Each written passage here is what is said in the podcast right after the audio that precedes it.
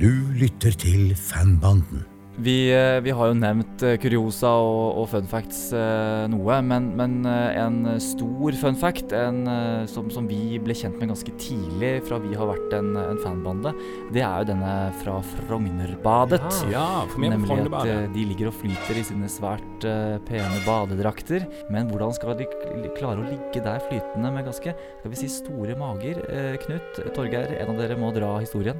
Ja, nei, vi har jo snakka med Tom Madsen. Uh, og han kunne jo fortelle det at uh, det de ligger på, er strykebrett.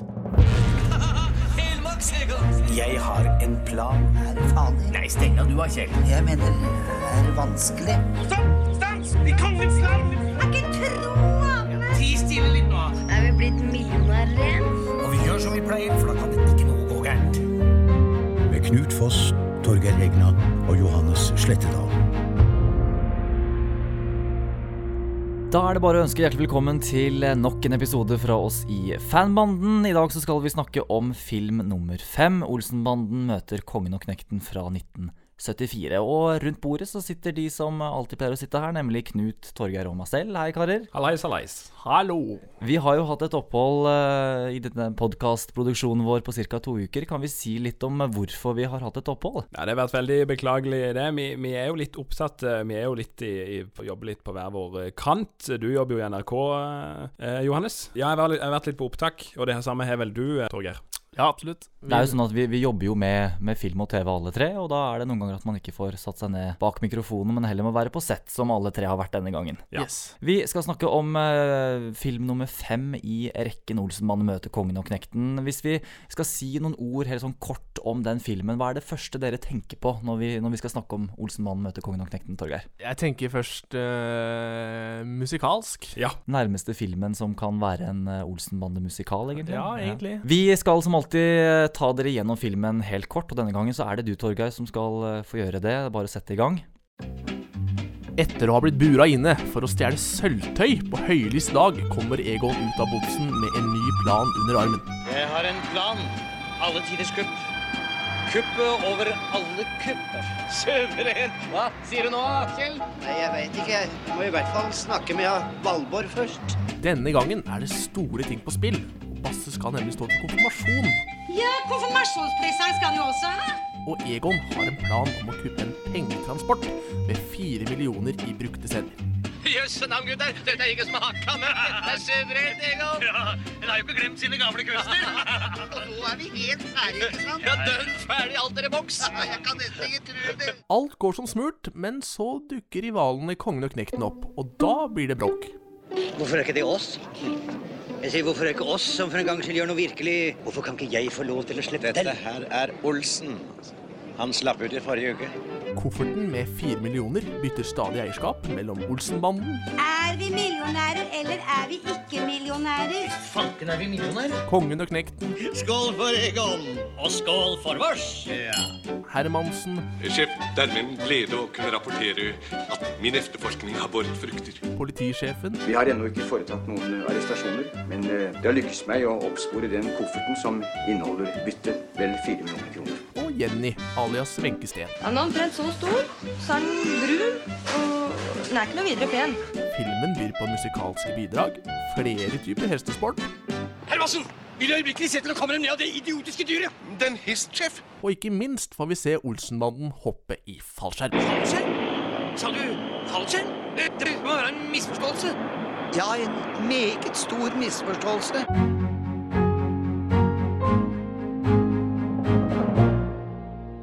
Filmen hadde premiere 15.8. Det er jo ikke så veldig lenge siden. Altså ikke i år, men for 45 eh, år siden. Det er snart 50-årsjubileum for denne filmen også. Ja, jeg tenkte på det. Det er 45 år siden denne den her kom ut. Og eh, når den åpner, så merker du jo òg her at eh, du kjenner deg veldig igjen, tenkte jeg. For du har et åpningskupp. Eh, og det første bildet du ser, det er ifra Karl Johan. Rett opp med krysset. Rett ned forbi Slottet. Eh, opp videre opp med Solli. Nå er jo ikke jeg vokst opp i Oslo, men det er noen plasser som er veldig kjente for meg. Det er litt sånn turistvennlige locations. Der ser man også, I de første bildene så ser man jo at eh, SAS-hotellet bygges. Skal vi bare si kort, Hvor er det vi tror at eh, Mattis Mathisen, som er altså sjefsfotograf på denne filmen også, hvor står han når de filmet dette oversiktsbildet? Du nevnte det før vi satt Ja. i opptaket, Knut. Ja, jeg satt litt og tenkte på det. Jeg tror han står på taket av Nationaltheatret, og så får han Det er et litt rart åpningsbilde, veldig sånn nærbilde, men eh, noen shots seinere så ser du da eh, dette som er setupet, da, med at det er fotballkamp, byen står tom.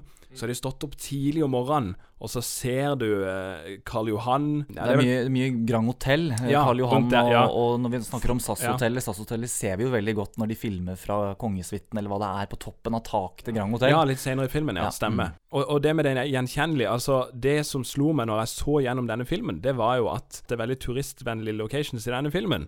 Veldig mange plasser man kjenner seg igjen i. Altså I denne filmen så skal vi gjennom Travbanen, Frognerbadet og Frognerparken, Grand Hotell, og så ender vi opp på Fornebu. Så vi er jo innom Dronningens gate og litt andre sånn eh, semikjente gater i Oslo.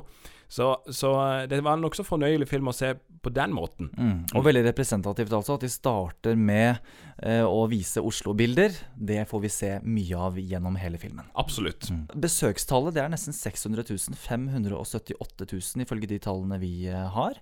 578 000 så filmen da den kom, og den omsatte for eh, knappe 3,5 million.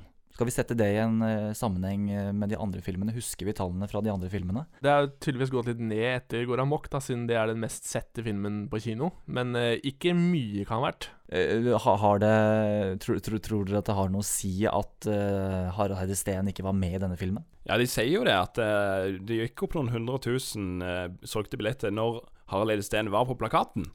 Eh, og det er han jo ikke her. Men vi har jo noen andre kjente skuespillere som vi sikkert kommer tilbake til. Det er de, de som er i tittelen, da. 'Kongen og knekten', Henki Kolstad og Frank Robert. Frank Robert. Og de er jo med allerede i åpningskuppet. Ja, de etableres tidlig. Vi kan gå eh, absolutt inn på åpningskuppet, for jeg vil jo si at eh, åpningskuppet er altså det, det, det husker man jo svært godt. Det er kanskje nesten bedre enn eh, selve filmen. Det er eh, gutta som skal eh, rane en svært rik høyesterettsadvokat i Ullevål Hageby, er det ikke det? Anerkjent sølvsamler, masser av sølvtøy. Utpreget vanemenneske. Kommer hjem hver dag klokka 16.52. Fire minutter seinere åpner han verandadøra. Gammel idrettsmann. Må ha frisk luft.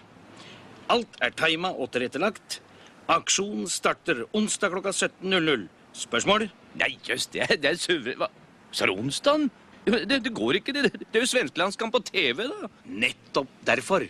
Altså, Det blir jo nevnt at det er en landskamp eh, mellom Norge og Sverige og Oslo står folketomt. Og det er jo en ypperlig sjanse for Olsenbanen til å ta en stige, klatre opp via balkongen, inn i stua til høyesterettsadvokaten som sitter og ser på landskampen og jobber i bakgrunnen der, holdt på å si, mens han fokusert på, på eh, fotballkampen.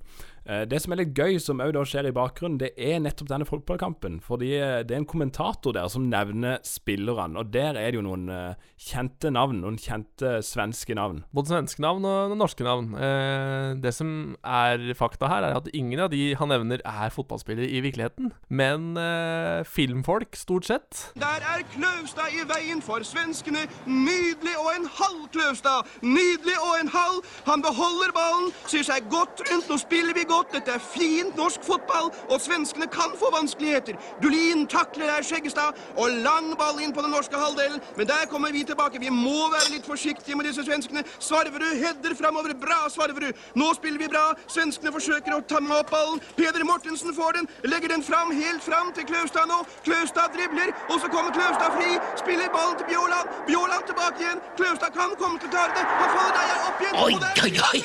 Det var fantastisk! I mål! Ja. Det var, eh, det var navn på diverse kinosjefer og filmregissører.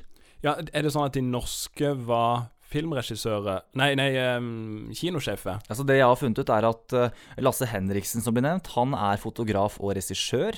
Og så har vi uh, Arnljot Eng i Oslo. Husker dere det navnet? Han er eh, kinodirektør.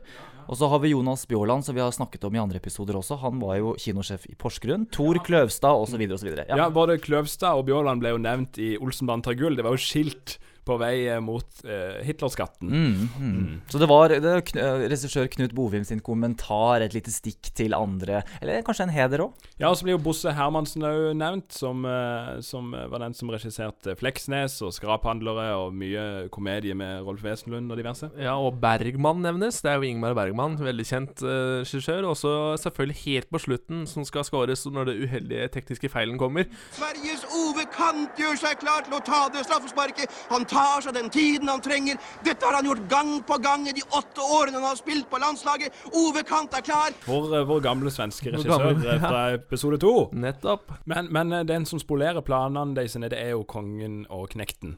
De eh, truer Kjell med springkniv. Det er jo ikke så, det er ikke så ofte det er våpen inne i bildet i Olsenbanden, men der er det altså en springkniv som sprettes. Og her eh, kom jeg på noe, fordi eh, det er så tydelig her at det her møter østkantforbryterne vestkantforbryterne. For kongen Knekten er jo på mange måter Særlig for kongen er jo veldig pentalende og Jo da. Aldeles utmerket, herr Olsen. Ja, og du da? Hvor, eh, hvor ringer du fra? Fra Bossfengselet? Ja, for der er det jo Ja, men interessant, for der er det jo kontrasten med, med hvordan de bruker pengene. For det blir jo en greie. hvordan skal de bruke pengene? Nå hopper vi litt fram, men når Olsenbanden har pengene, og Kongen og Knekten har pengene, så er det Når Olsenbanden er de, så er det konfirmasjon, og det er dresser, og det er smoking, og det er sportsutstyr som bandet vil ha. Eh, mens mens eh, med Kongen og Knekten så vil de bare leve et eh, herlig liv oppå toppsuiten på Grand. Bare for å avslutte det som skjer inni denne, denne leiligheten til høyesterettsadvokaten. fordi at det er jo, Jeg syns det er morsomt å se eh, hvordan de har eh, valgt å løse det filmatisk. Altså hvor lang tid Egon kan holde på i den leiligheten. Til og med sølvskjeen som Annelise Tangstad, som spiller kona til, til høyesterettsadvokaten, skal røre i koppen med. Og så er det bare å legge den fra seg. Og det, altså, Egon rører jo eh, Mm. med skjeen i koppen. Ja, og der syns jeg det er en veldig gøy ting med at Benny følger jo veldig med på denne kampen, ikke sant? mens Egon jobber, og Egon blir litt irritert av det. Så tenkte jeg når, For det var en stund siden jeg hadde sett han, og det er mange filmer en ser seg blind på med Olsenband, i hvert fall for meg. Men Egon kikker plutselig mot TV-en da, så tenker du Egon er jo plutselig interessert i kampen. Og så går du fram, og så tar han sølvskeia. Jeg syns det er en veldig gøy setup og, og, og punch på akkurat den joken. Ja, og så er det jo Det er jo et lite spark eh, til uh, det norske folk, for vi er jo veldig glad i sport sånn Ja. utgangspunktet. Så Ja. det, er jo, det tar jo også litt på kornet, rett og Vi, slett. vi er vel ikke blant deg, jeg snakker bare, kanskje bare for meg sjøl. Ja, nei, kanskje ikke vi, men uh, sånn, uh, hadde det vært ski på TV, så hadde Ja. det nok vært enda mer spennende. Ja, det, det ville vært Hvis Olsenmannen hadde vært lagd i dag, så var det kanskje ski som Ja, hadde vært sånn. Ja, og Hadde fanmannen vært, vært sportsinteressert, så hadde det kanskje ikke vært noe som het Fanmannen heller. Nei, sant nok, sant kan vi si det. Ja, hva byr de meg? Er de ikke aldeles grenseløst hva disse kjempeidiotene kan klare å stelle? Men i svarte!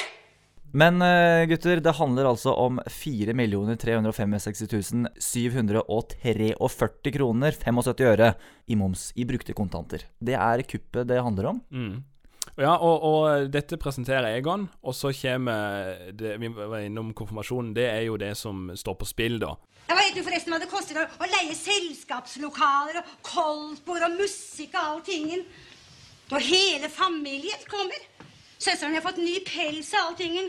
Og vi skal vel ikke se ut som noen lasaroner, vi heller. Skal si deg en ting, Egon. Hvis en skal virkelig følge med i våre dager, så må en minst være millionær. Og det er jo nettopp det det passer Valborg og familien Jensen veldig veldig godt. For de skal jo ut med veldig mye penger til nettopp, som du sier, Knut Basse sin konfirmasjon. Ja, og Sånn er det jo ikke alltid. Det er jo ofte Valborg øh, setter seg på bakbeina og tenker nei, vi skal ikke ha noen millioner og ulovlig virksomhet og sånn, men her er hun gira med en gang. Ja, det står det veldig ikke- mye på spill her. Ja.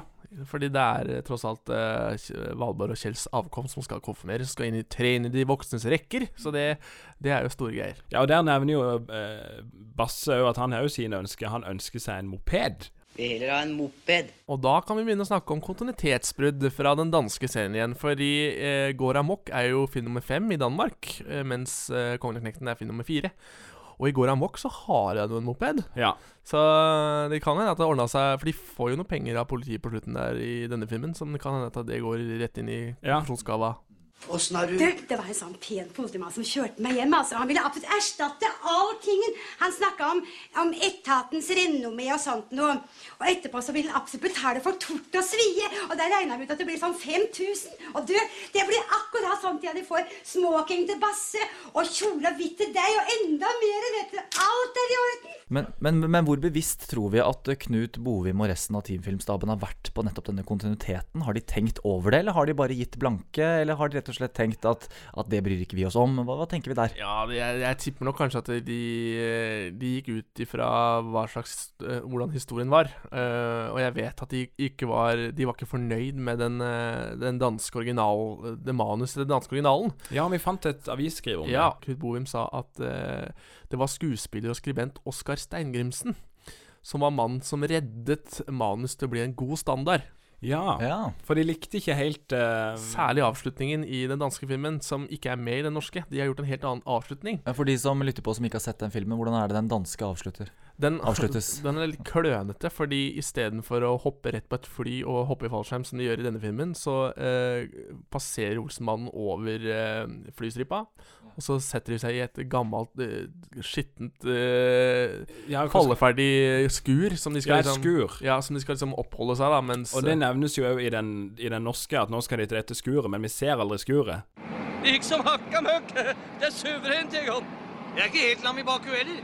Nå tar arbeidsbrakka på den andre sida av plassen. Ja, de nevner det i den norske. De nevner, ja, det er derfor de, de går jo over flyplassen i den norske òg, og så er de på vei mot, og så kommer Hermansen. Men Ja, ja, ja for der det- sitter Valborg og Basse og venter istedenfor på Ja. flyplassen. Nettopp, ja. Ok. Nei, Og men så, da ja, og så er det et eller annet som skjer med at det skuret detter ned i huet på, på Valborg. Eh, men hun kommer fint ut av Men Kjell tror at han At Valborg er død. Ja, altså, så tør han endelig å ta den talen som han egentlig Ja. skal si, som aldri kommer fram i det norske okay. også. Tenk på så flott det blir når du skal slå på glass og reise deg opp og holde tale. Tale? Ja, du må vel holde tale for den eneste sønnen når han trer inn i de voksnes rekker, vel? Ja, så det er mye rart der, men og den politifiguren, det er jo uh, han eh, Mortensen. Ja, Mortensen han, er, han er er tilbake med ny skuespiller for øvrig, da. Men Mm. Er så mye Slapstick, slapstick eh, der. og- sånn bananskallhumor, som jeg så kaller det. Det litt sånn Den norske varianten er nok eh, mye bedre, syns jeg, da. Nå er jeg kanskje litt uh, Litt partisk jeg, vel, Ja, men, uh, men er jeg, jeg er enig samtidig som at Ja, vi kommer tilbake til den slapsticken, for jeg er ikke så glad i den. Det er elementer av det i denne filmen. Ja, det er det jo. Ja. Det er eh, mange millioner i moms som Egon eh, og banden vil ha tak i. De trenger det, som sagt, til eh, Basse sin konfirmasjon. Hvordan er det dette kuppet gjennomføres, Torgeir? På veldig genialt vis, syns jeg. Eh, Det er som Egon sier, det er ikke en kjeft som tror at noen klarer å knekke det skrinet, så det skal jeg vise at jeg klarer. Og det gjør de jo eh, på en veldig morsom måte, ved å ja, ta en skjærebrenner i bånn av den eh, bilen og klatre opp via kloakksystemet. Og her har de gjort grundig research i forkant. De har jo bl.a. ringt Toyota sentralt Ja, ja. og sagt følgende. Si meg, hvor lang tid tar det å få retta ut eh, fronten på en sånn Toyota Hiase? Ja, ja, ja, nettopp, nettopp. Et øyeblikk, da skal jeg høre. Du har lurt på om løkta har gått også? Ja. Ja, det tar et par dager. Ja, en dag på oppretningen, og så en dag opp på lakkeringen. Vi så hvis det er en real bulk. Ja, der har du sponsinga for denne filmen. Ja, men det er veldig Det, er, det synes jeg er litt morsomt, da. For at eh, når de går inn og eh, setter penga i bilen, det er veldig rart at de ikke snubler i det hølet. syns jeg. Men det er jo gøy, da. Jeg kjøper det, men altså det, Ja, for de hadde tatt en skjærebrenner og så lagd et høl som Egon kan komme opp gjennom. Men gjennom det kuppet Altså, Olsenbanden har jo full kontroll gjennom hele kuppet. Det er jo ikke noe sånn faremoment. Men det er ikke noe sånn at jeg tror de har liksom missa på. For du hører i musikken òg at hører, det er ikke sånn Det er ikke spenningsmusikk på den måten. Det er mer, det er mer sånn upbeat. Eh, dette, nå har vi full kontroll, her lurer vi alle sammen. Er feelinga gjennom hele kuppet. Så det er litt annerledes, men det funker. Og det er ikke sånn at de har gjort en feil, tror jeg. På en måte. eneste feilen de gjør her, er at eh, registreringsnummeret til Bennys bil og politibilen er det samme. Hæ? Ja. Politibilen med eh, Hermansen, som er følgebil, på en måte, og hvor endene kommer, den bilen har samme registreringsnummer som Benny. Du, Det har jeg aldri lagt merke til. Ja, hva, hva skal vi tro er grunnen til det? De hadde vel sånn produksjonsskilt som de bare flytta rundt på. Ja, det er nok kanskje det. Knut Bovim, vi trenger svar. Hører du dette her, så må du ringe oss. Vær så snill. Men det er også det der med ender. Det er jo sånn klassisk eh, tegnefilm eh, Det der med å sende ender over gata. og Ja, så vil han stoppe. stopper. Ja, ja, men Så det er jo litt morsomt, da. Vi er, men vi er veldig i tegneserieland i denne Ja. filmen. Ja, ja. Og Hermansen er jo da tilbake som den der eh, ut og fakke Olsenbanden. Det er Hermansen, sjef. Det gleder meg å kunne fortelle at jeg om et øyeblikk regner med å kunne arrestere banden bak det store kuppet. Som vi snakka om i forrige film, så var, jo han endra, hadde jo han endra mål, da. Med at det var ikke Olsenbanden som var skurken, det var storskurken Hallandsen. Men nå er det tilbake i den gamle oppskriften. Jeg, jeg vet ikke helt om jeg er, er komfortabel med den Hermansen der. Altså, det, det er litt sånn smakssak. Hvis du liker den, den type Hermansen som løper, som Sverre Bilberg gjør veldig godt, så, så gjør han en god jobb her. Men jeg føler litt sånn der at vi en går litt tilbake til noe som jeg trodde man på en måte var ferdig med. med Ja, han Hermansen. er lagt bak seg. Men Ja. du legger merke til det i filmen uh, også, at uh, her skrives her, den, altså den danske versjonen av Hermansen ut. Ja. For han blir jo gal. Arrester den mann! Han er gal! Og en fare for den offentlige sikkerhet! Ja, men sjef jeg, jeg, jeg, kan ikke Enden på visa for Hermansen her blir jo at han blir innlagt. Ja, Så det er, det er jo det her momentet at de skifter i Danmark, da, men at han dukker opp igjen i Norge Ja. som samme fyr. Ikke sant? Ja, Det var på nære nippet, Hermansen. Ja, men eh, det var Egon Olsen, sjef. En tidligere straffedømt person. Ja, men allikevel, Hermansen, det kunne vært meget uheldig. Jeg kunne ha blitt innblandet, så det ville gått utover hele etatens renommé. Det er jo noe annet som også må nevnes her. Det er jo at eh, politisjefen er bytta ut med en ny skuespiller. Eh, Ja. Av naturlige årsaker. Fordi George Richer, som spilte Olsenmanns, eller eh, Hermansens sjef i de to første filmene, han døde i 1972. Og nå er det Wilfred Breistrand som har tatt over eh, Han er et fantastisk navn. ja, ja, men eh, veldig flink skuespiller. Han passer Ja, ja. veldig godt og gjør en veldig god figur i denne filmen. i hvert fall Han Veldig- dukker opp også i film nummer åtte. Og filmen starter jo med at eh, Egon kommer ut, eh, og, og, og Blir nesten overkjørt. Ja. eh, hvor tematikken er Utover hele etatens renommé. Tenk på etatens renommé. På etatens renommé. For hele etatens renommé! Og det er det som går igjen gjennom hele filmen. Så det som gjør egentlig at Hermansen går dukken, er jo det at han ødelegger politiets renommé. Hele tiden. Ja. Særlig sjefens renommé, da, som Ja. han er mest opptatt av. Men også politiet. Han øh, gjemmer seg bak politiets renommé. Ja. Men vi må Men- spole tilbake til Ja, vi Eh, vi, igjen tilbake til kuppet. Vi, Ja, vi ja. skal snakke om rollene litt senere. Men, men eh, kuppet er, eh, er eh, ikke så dramatisk som du var inne på, Knut. Men, men det er jo et vakkert kupp. Det er det. Det har mange elementer. Det har mange ingredienser som de trenger for å gjennomføre kuppet. Blant annet eh, Én skjærebrenner. Ja, det ordner jeg. Målebånd, kritt og stoppeklokke. Ja, det må times, det er klart. Ja, slå den, da. Én dampveivals, ei slegge og 26 kremmerhus. Og så har du den sekvensen der de skal få tak i disse tingene òg, der, der de kjører etter disse vei, veiarbeiderne og så plukker opp disse kremmerhusa. Du, der kom jeg på noe. Fordi eh, når han tuter det, Eller, vi kan høre. Det er ikke det samme hornet som Il Tempo Gigante i Flåklypa? Du, det kan godt være. Det høres helt likt ut. Vi må nesten finne et klipp fra det også. Det, det er veldig likt, iallfall. Det er veldig likt. Torgeir, jeg må si du leverer. Du kommer med mange facts som ikke vi har visst om i det hele tatt. Både Knut og jeg sitter og er overraska. Ja, vi er helt mindblown. Ja, det har jeg gjort hele sommeren. Jeg har sittet og sett Olsenbanen for Kongen og Knekten sju-åtte ganger. Men vi var, inne, vi var inne på kuppet. Vi må tilbake til kuppet, ja. Ja, eh, kuppet, Nok en gang. kuppet er fullført. Skal for øvrig bare nevne at den sjåføren som, som kjører denne pengetransporten, det er produksjonsleder Alan Ausby, som vi har snakka om før, som var, som var eh, sånn henchman eh, borte på, på fryselageret i går amok. Ja, og, han, sid- og han sidemannen er jo han som eh, er politimannen som sitter inne i dette huset sammen med Hermansen i går amok. Han som sier at Det var uh, burugla hans.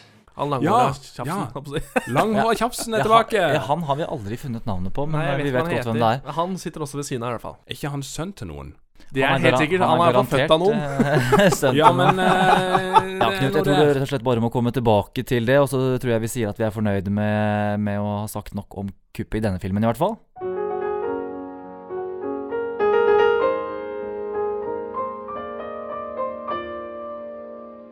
Skal det bli en hel skau med lekre ryper og en sportsbil eller to og hvitsmoking. Så regnbuen, downtown og Ben Josef og Hva, Kjell? Hva, hva ønsker du deg for noe? Ja, Nevn om jeg vet. Du har Valborg, svømmebasseng og hus på landet. På landet nå, aldri i livet. Jeg var hos søstera mi i Drammen for fire år siden, og det var mer enn nok for meg. Et elektrisk tog. Hæ? Elektrisk tog? Ja, sånn med skiftespor og, og, og, og penser og, og signalmaster med rødt og grønt lys og lokomotiv og, og tunnel. Hold kjeft! Nå må vi oppføre oss fornuftig. Det er jeg enig i, altså. Planen har lykkes. Penga ligger her. Dem er våres. Nå må vi ikke sette alt over styr ved å oppføre oss som idioter. Nei, Det sier jeg jo, du Kjell. Nå må vi først og fremst tenke på det aller mest nødvendige. Riktig. Og det aller nødvendigste nå er ikke å bli oppdaga. Ja, ingen tvil om at eh, Egon har eh, planen klar for å eh, ikke vekke oppsikt med at de har fått tak i alle disse pengene, men, men de har jo kongen og knekten hakk i hælene, også spilt av Frank Robert og Henki Kolstad. Og med det så er vi inne på to svært sentrale skuespillere i denne filmen. Ja, filmens antagonister.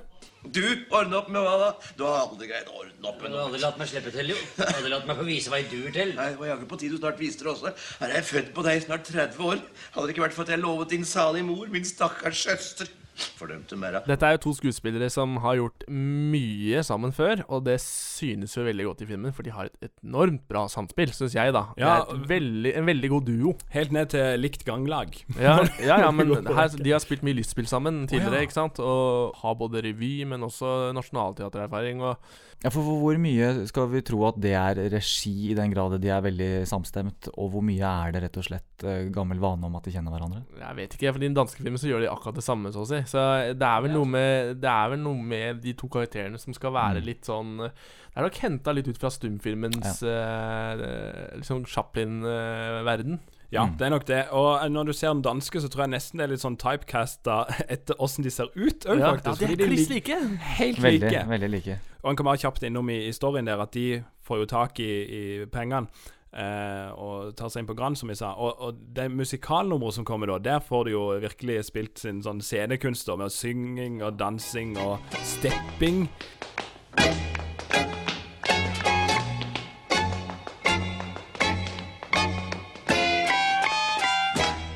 Bryter veldig ut av Olsenmannens eh, faste mønster her. Fordi Ja. dette her er jo noe vi alle ser før eller siden. Eh, Det er storslagen studiobruk, det kan vi vel si. Og de har lekt seg i klippen. Jeg tror, jeg tror kanskje det er noe av grunnen til at Knut Bovim sier at dette er hans favorittfilm. For jeg tror de har hatt det veldig gøy, både i på sett og i etterarbeidet.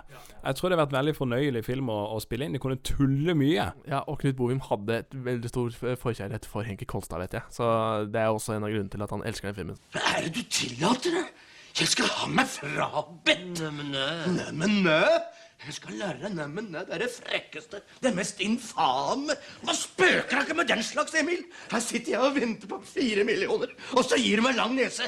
Og det tillater onkelen din. Jeg skal gi deg lang nese. Nei, men onkel, ikke slå meg, onkel. Ikke slå meg, onkel. Husk på blodtrykket ditt. Blodtrykk! Jeg skal gi deg en trøkk 16, så du kjenner det. Var stas å få med en så stor skuespiller i Olsenmannen-filmen. Ja, det vil jeg klart. Eh, altså, når vi snakker om uh, Kongen og knekten, så er det bildet kanskje folk får da, er nettopp denne store scenen, dette store studioet som er fra Grand, angivelig Grand Hotell. Da. Er det et studio som er i Keisers gate i Oslo, eller har de dratt til Valby i Danmark? Hva tror vi der? Det er litt usikker, For det er så stort. ja, det er stort, men det er helt likt også, den danske. Det, ja, du, det kan godt Hvis, hvis en tenker Uh, jeg tenker litt, Når jeg tenker teamfilmproduksjon, så tenker jeg ofte budsjett. Ja, ja, ja. Og de eneste som er med her, uh, på Grand, det er Kongen og Knekten og hun eh, søstera Jenny er det jo het i filmen. Og så er resten som spiller hovmester og sånn, det er crewet. Det er crewet, ja. Så det kan godt være at her har de reist til Danmark for Ja. å spille inn akkurat den, eh, den scenen. Absolutt.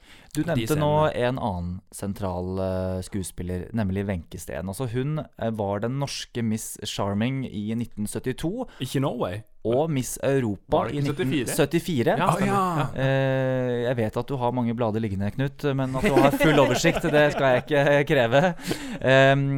Hun, hun, var jo, hun ble jo senere redaktør og, og, og direktør. Wenche Steen snakker vi altså om, og hun het Jenny i filmen. Hva, hva, kan vi si om henne? Hva har vi lyst til å, uten å gå for mange detaljer? Fø- Første vi kan si, er jo at det er vanskelig å eh, spille av noen klipp ifra, for hun har vel bare to ting å si. Hun, eh, hun sier 'hjelp' i Frognerbadet, og så, og så beskriver hun kofferten på Fornebu. Og hvis ikke dere vil høre Knut si det, så kan vi høre hva hun eh, sier selv.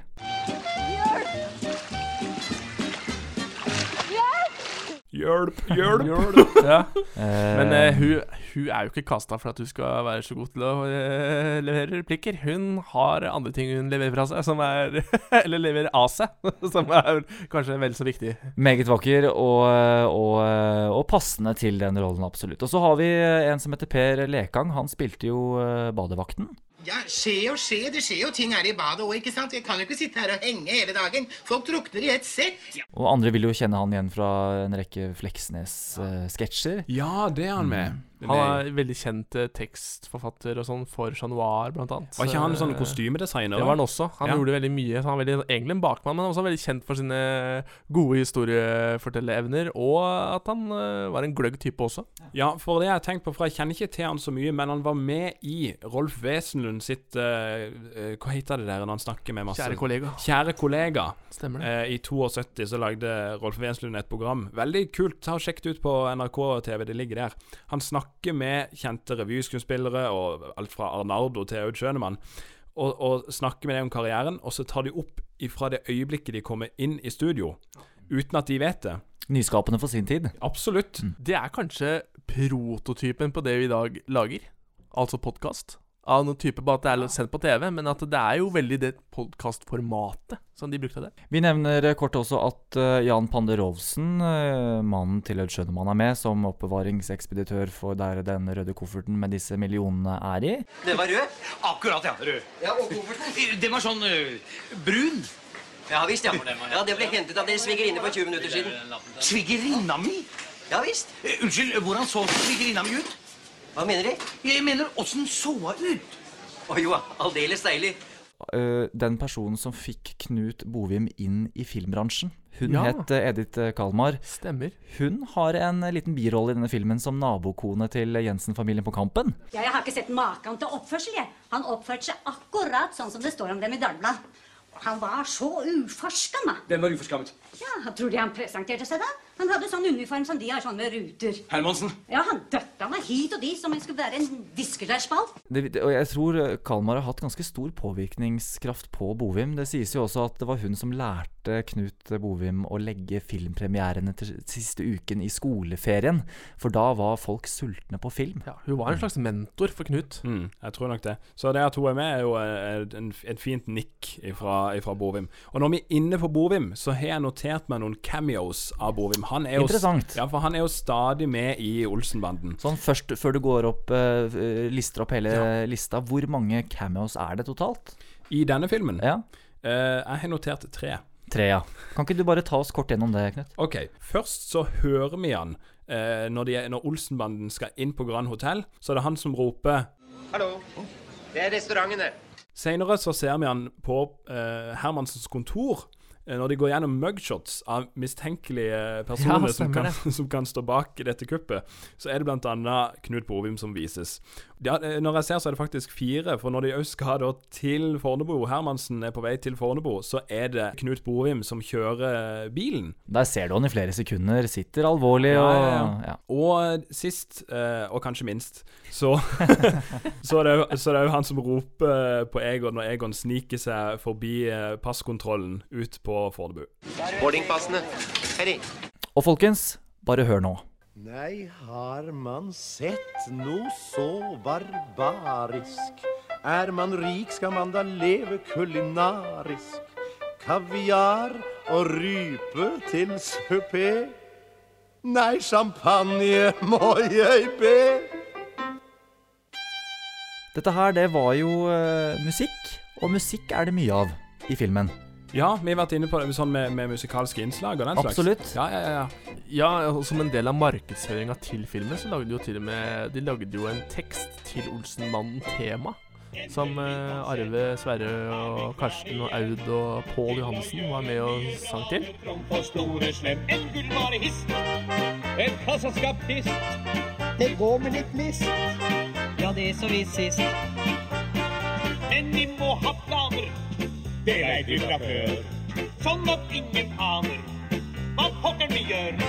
Vi slår til igjen. Tidenes menn. Ja. Tidenes menn. Og den har jo gått på ja, Den har vært på sånn masse barneplater. Ja, og vært på sånn barneplater og sånn, og det ble brukt også i Olsmann for musikk. Ja.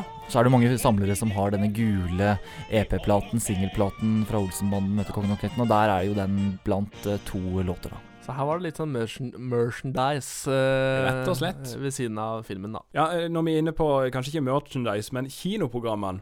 Som vi nevnte i forrige episode, så ble det utløst en konkurranse. Ja, på baksiden av kinoprogrammet. Ja, fordi helmaks var enda ikke satt. Hva skulle være bandets faste uttrykk? Og i denne filmen Så er det Det er suverent, Egon! Suverent Egon, ja. Ja. Nå har han gått bort fra Helmaks igjen. så vi har ikke landa den ballen helt ennå. Nei, så han har vært innom helmaks. De har ikke landa på helmaks. Og så i denne filmen, så på kinoprogrammet, så kunne du eh, komme med forslag til hva som skal bli det faste uttrykket. Så det er ikke før i neste film. Så vi måtte seks filmer til før uh, Olsenmannen fikk Eller Benny fikk sitt uh, fastuttrykk helmaks. Og da er vi jo nærmest halvveis i serien. Så det er kanskje ikke noe alle tenker over.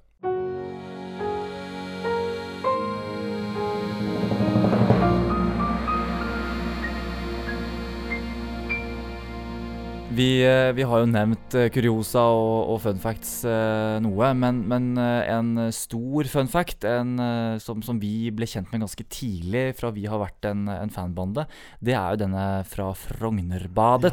Ja, for meg er Nemlig at de ligger og flyter i sine svært eh, pene badedrakter. Ja, jeg tilbyr dere 50 kroner for den drittkofferten av de stygge badedraktene deres. 50 kroner!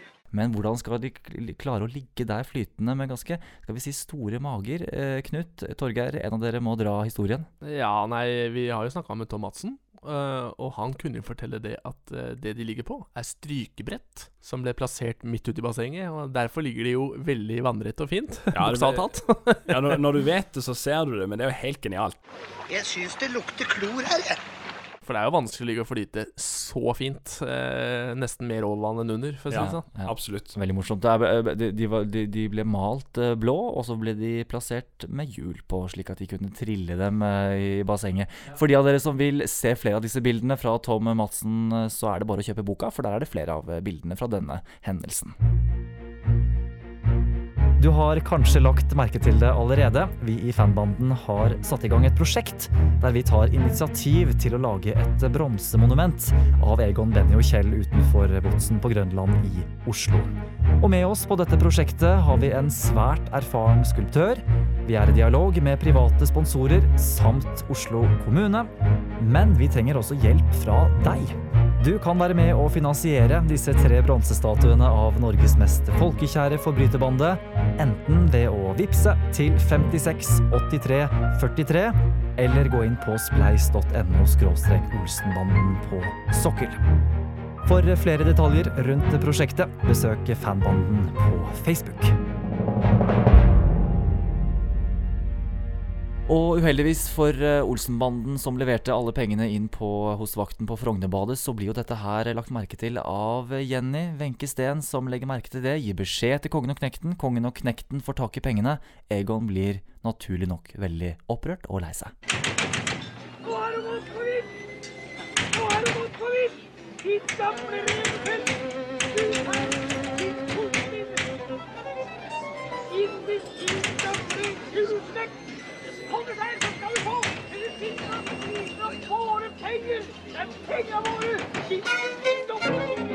Og øh, mens han sitter og surmuler litt, men også kanskje tenker litt over hva han skal gjøre. Han er veldig langt nede. Og jeg syns det, jeg synes det er Altså, vi må bare kjapt inn på det veldig norske med det, på en måte. Sånn, fordi Kongen og knekten de koser seg med, med champagne og god mat. Kuttet til Olsenmannen, som sitter og spiser havregrøt. Jeg syns det er et veldig fint bilde, eh, bare så det er nevnt. Men da sitter Egon og, eh, og surmuler, Ja, og er s- fortvila. Ja, og da kommer eh, Benny på ideen at uh, Men vi Jeg har en plan! Nå endelig, endelig viser Benny og Kjell initiativ selv. Nei, men hør her, da. Jeg har det! Fy faen, for en tosk jeg er. Jeg har det! Ja, Benny, ja. Opplagt bingo, garantert. Kjell, far har praktisk talt ordna den biffen. Er det noe innvikla? Gjett om jeg veit hva det står hen, da. Ja, hva veit du hvor står den? Jeg veit hvor det står et gammelt pengeskap fra Frans Jæger i Berlin. Nei, gi deg. Bare å spasere rett inn. Ja, ja, det må selvfølgelig times og tilrettelegges, ikke Ja, sant? Ja, ja, men la oss komme i gang med en gang, eller? Og dette er jo for første gang vi ser eh, De hadde en plan om det i, i Targull også, men eh, nå viser de for første gang at de også kan ta initiativ til et kupp. Og det har stor underholdningsverdi. Absolutt. Og det, det, det er jo ikke hvor som helst de gjør dette kuppet heller. Nei. Hvor er det, Knut? Det er i Vigelandsparken. Ja, det er jo ikke så Det er jo i samme bygg eh, som eh, Bymuseet. Ja, det er det som jeg jobber litt på.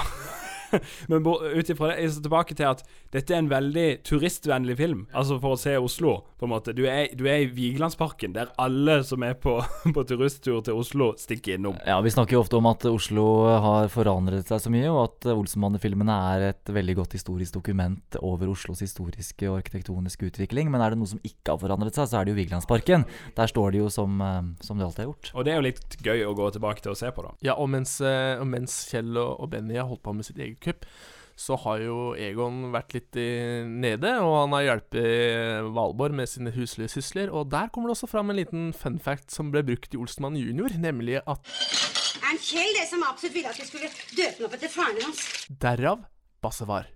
Nettopp. Det er, det er veldig interessant. Altså, da snakker vi om en som ble spilt av Trond, Trond Brenne, ja. som eh, ikke lever lenger, dessverre. Men, men som spilte bassefar veldig, veldig godt. Interessant, altså. Det er interessant. Jeg syns det er gøy at de plukka det opp i juniorserien. Ja, det er, det, er, bra- det er bra research, faktisk. Det er veldig bra research. Og så går jo Egon ut. Øh, eh, vender tilbake til et sted som de ikke har vært på flere filmer, nemlig Bjørvika. I en slags silhuett-type shot. Setter seg ned på en av de der eh, Hva kaller man de der båt... Uh, Men i hvert fall, Og der kommer han på at nå har han en idé. Nå skal han eh, lure og legger seg i Jeg tror han faktisk legger seg ved parken ved Spikersuppa. Ligger på en benk der og venter på at eh, kongen skal ut og levere pengene i, banken. banken. Og det gjør han, og da legger han, eh, legger han det inn og legger inn et passord som er Fullt hus. Fullt hus. Som, eh, som eh, da Egon får med seg. Han tipser Hermansen.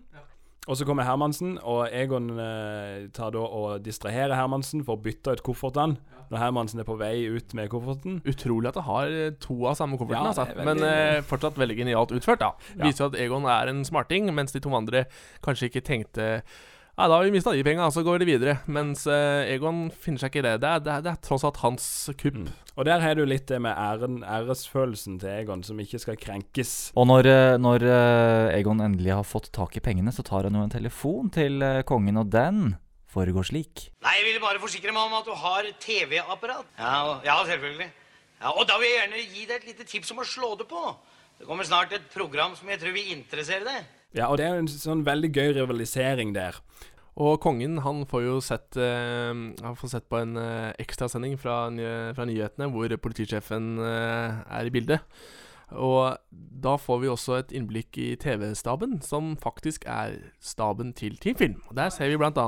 vesle Møy Fosseri, vi ser Tom Madsen, vi ser Kristi, nei, Kirsten Bovim, som er kona til Knut. Så her får man faktisk sett litt eh, hvem som er bak kamera også, som kanskje ikke alltid er med foran kamera ellers. Men en ting jeg lurer på er når du ser dette angivelige TV-crewet som har hatt den ekstrasendingen. Hvis du ser på de kameraene der, er det kun papp som er satt sammen og malt? Al altså, jeg er usikker. Enten så er det papp som er satt sammen, at det skal være en gag, for det står NRK kjempestort der og sånn. Eller så er det Sånn sånne, lyddempingskasser som var på 16 mm-kamera på den tida.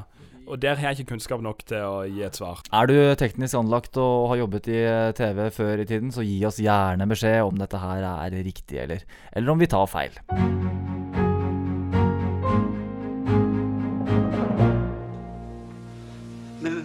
Det er jo suverent. Nei, har du filmet igjen? Nei, men det var hyggelig, altså. Men dere, nå må vi ikke tøyse lenger, altså. Vi har tusen ting å gjøre. Vi skal skrive bordplan, bordkort, sang må vi skrive Du! Nå blir ikke du forkjøla, altså, for du skal holde tale. Hold smella på det. Sett det. Egon har fått tilbake penga, og eh, nå skal de til Mallorca. Retten og sletten. Og Valborg får i oppdrag å levere kofferten med penger inn på Hva, hva kaller man det? Bagasjebåndet, eller eh, Ja, for de kommer seg til Fornebu. Eh, skal, skal losjere seg inn på ei brakke og vente på, på at Valborg skal komme til Fornebu.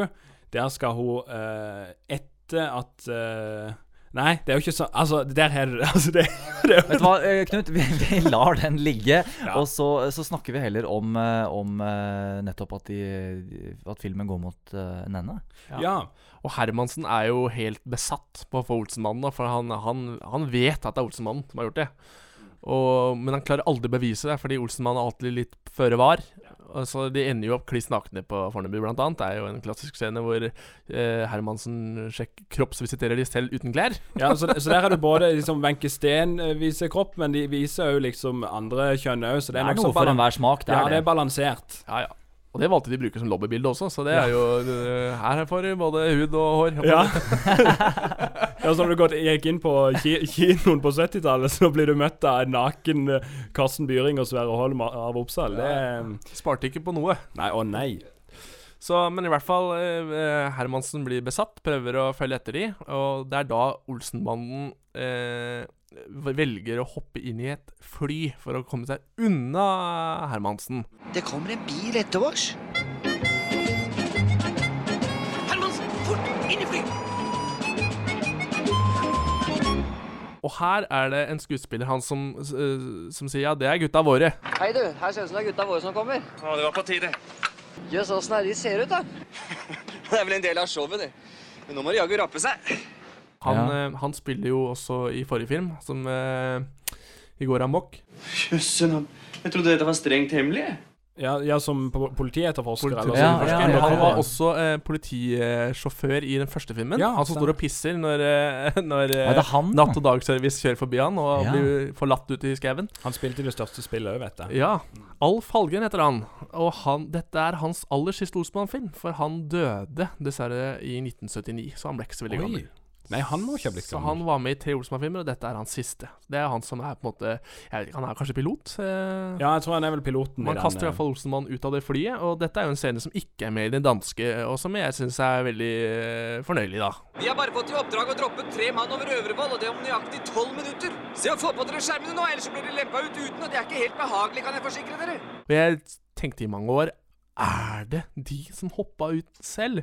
Men så har jeg jo nå som jeg har studert litt film og jobba litt med film, så skjønner jeg det at et kamera kan ikke være plassert utafor flyet opp i lufta. så, Så- det går jo ikke, selvfølgelig. Nei, nei. Så det er nok eh, Så det er nok noen stuntmenn der, altså. Eller, ja, jeg tror ikke de hadde. Christopher Nolan-budsjett eh, og eh, Og godt at, de, altså, godt at de hopper også ut med taxfree-posen. Det er jo eh, Ja, Ja, det det, er det, det og at Benny holder seg fra nesa hans koppet av flyet. Det syns jeg også er veldig gøy. Det er også morsomt, ja. en morsom gag. De, la, de lander på travbanen da, og Hermansen følger da videre etter på hest. Altså, Jeg føler vi er igjen tilbake til den første filmen, med liksom Ja. Hermansen på jakt etter Olsenbanden. Eh, som funka i den første, men som jeg blir litt trøtt av, altså. Stopp! Ikke min bil! Den har vi hørt før. Altså, han spiller han- oh, det, Og det, det er ikke det det står på, for han Nei. spiller veldig godt, Sverre Ja, ja, ja, kjempedyktig. Men, eh, men jeg, jeg, som sagt, jeg kjenner litt sånn der er Går et par uh, hakk tilbake. Ja, jeg er vi ikke ferdig med dette, tenker jeg. Ja. Og I tillegg så er han på randen til eh, psykose, så, så Hermansen er noe svak i utvikling uh, der, da. Ja, men, men det er jo bare to som lander på travbanen. Egon han uh, ender jo opp i et tre. Kultur! Det jaggu på tide! det, det, det som ødelegger dette her for Olsenmannen, da, det er at eh, siden politiet har hatt denne, denne sto, dette store raidet på Fornebu, så er det da vært en, en uh, nyhetsreporter på stedet og lager en nyhetsreportasje og forteller hva som er skjedd. Og da sitter Jenny på hotellsuiten og får med seg dette her. At uh, alt er ved det normale, men så legger hun merke til Valborg. At Valborg leverer kofferten inn. Ja. Ja. Så hun, lur som hun er, stikker av sted med sin to 2CV. Og eh, hei eh, Citroën. Citroën. Og, eh, kom, og kommer seg til Fornebu og tar da kofferten foran nesa på Egon. Eh, Det er en fun fact vi har kanskje utelatt her, da, men som jeg tenker jeg kan være fin å ta med. Det er jo at eh, Fordi Knekten har jo under alt dette her vært hjemme hos Valborg og Kjell. Og rispa opp hele sofaen for å lete etter penga. Og så får de med seg feil koffert, og det som er, det kjenner dere til. Men eh, når de kommer hjem, så får de politiet. De velger å, å erstatte alt som er av, eh, av Fordi- verdi der. Fordi Og- de tror det er Hermansen som Ja, yes. og, og, eh, her, eh, og politisjefen han drar opp et bilde, et brudebilde av Valborg. Er dette fruehuset? Ja, det er av Valborg, det. Og dette brudebildet, dere, det er hentet fra posteren til Hurra for Andersens, som var eh, filmen til Knut Andersen. Og også den eh, filmen som var Aud Schønemanns første hovedrolle. Ja, stemmer. Så hvis man legger merke til brudebildet, så ser man faktisk eh, litt av håret til han lille gutten foran, eh, foran på bildet. Så det er en liten fun fact. Andersen, hurra, hurra, bryllup hos Andersen, hurra, hurra. Hurra for Andersen, hurra for Andersen, far gifter seg med mor. Og med det så eh, tenker jeg vi setter strek for antall fun facts. Jeg syns vi skal være fornøyde med mengden fun facts her, eh, gutter. Ja, Altså, vi, ikke- vi leverer her. Ja, vi leverer og leverer. Det er bare å anmelde for de som lytter på.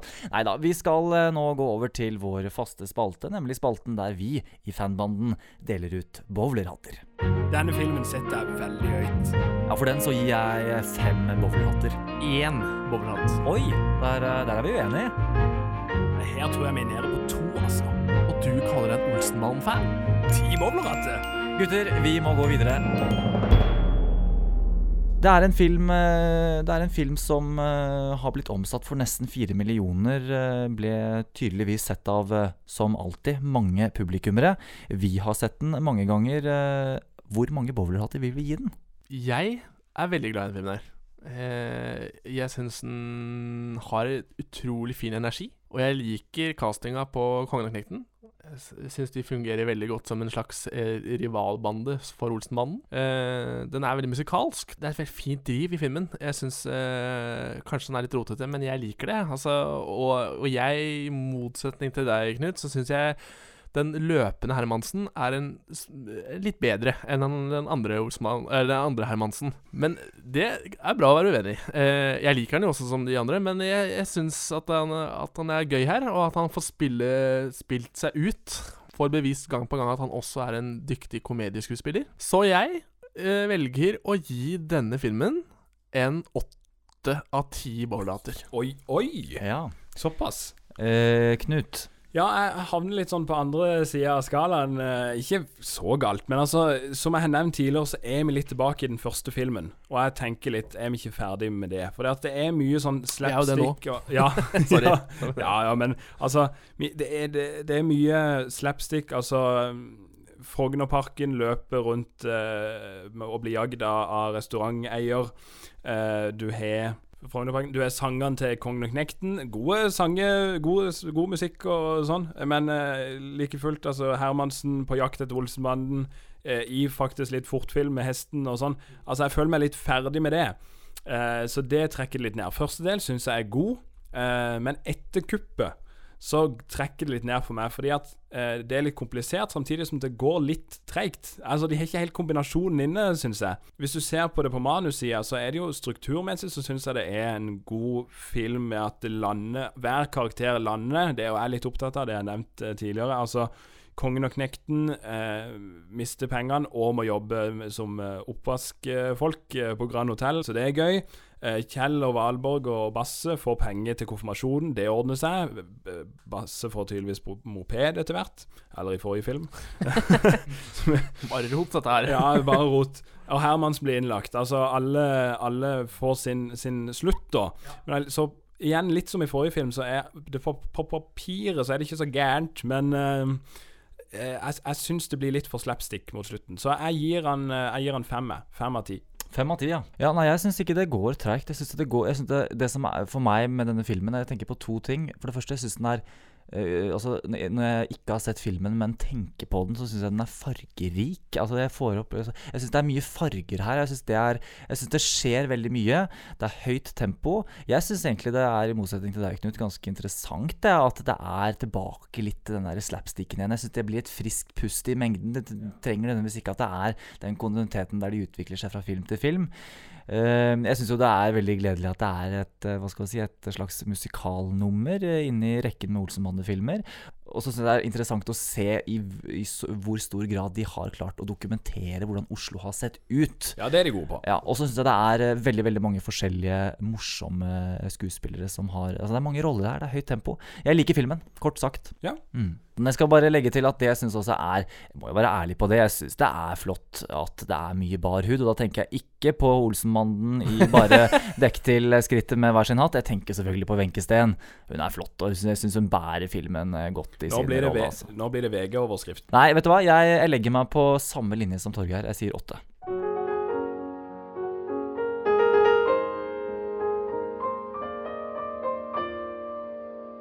Åtte, åtte og 5. det ble altså resultatet da vi i fanbanden ga bowlerhatter til film nummer fem. Olsenbanden møter Kongen og Knekten fra 1974. Det skal bli spennende å se hvordan den endelige lista blir. Vi skal vel legge sammen våre, våre tall og så komme på ei liste på slutten. Det blir interessant å se. Ja, bare håper vi husker hva vi har gitt. Da får vi høre tilbake, tilbake i episodene. Ja. Vi har i hvert fall nevnt at, eh, at at eh, det var Knut Andersen som eh, hadde regi på filmen eh, der brudebildet til Aud Schønemann stammet fra. Og da er vi inne på stikkord for neste episode, for da skal vi snakke om Olsenbandens siste bedrifter fra 1975. Og der er det ikke Knut Bovim som har regien.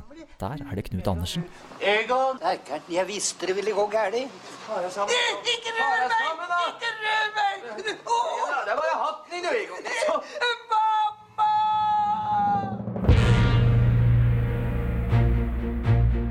Du hørte en podkast fra Fanbanden. Vil du vite mer om Olsenbanden og hva som skjer i jubileumsåret 2019, følg oss på Instagram og Facebook.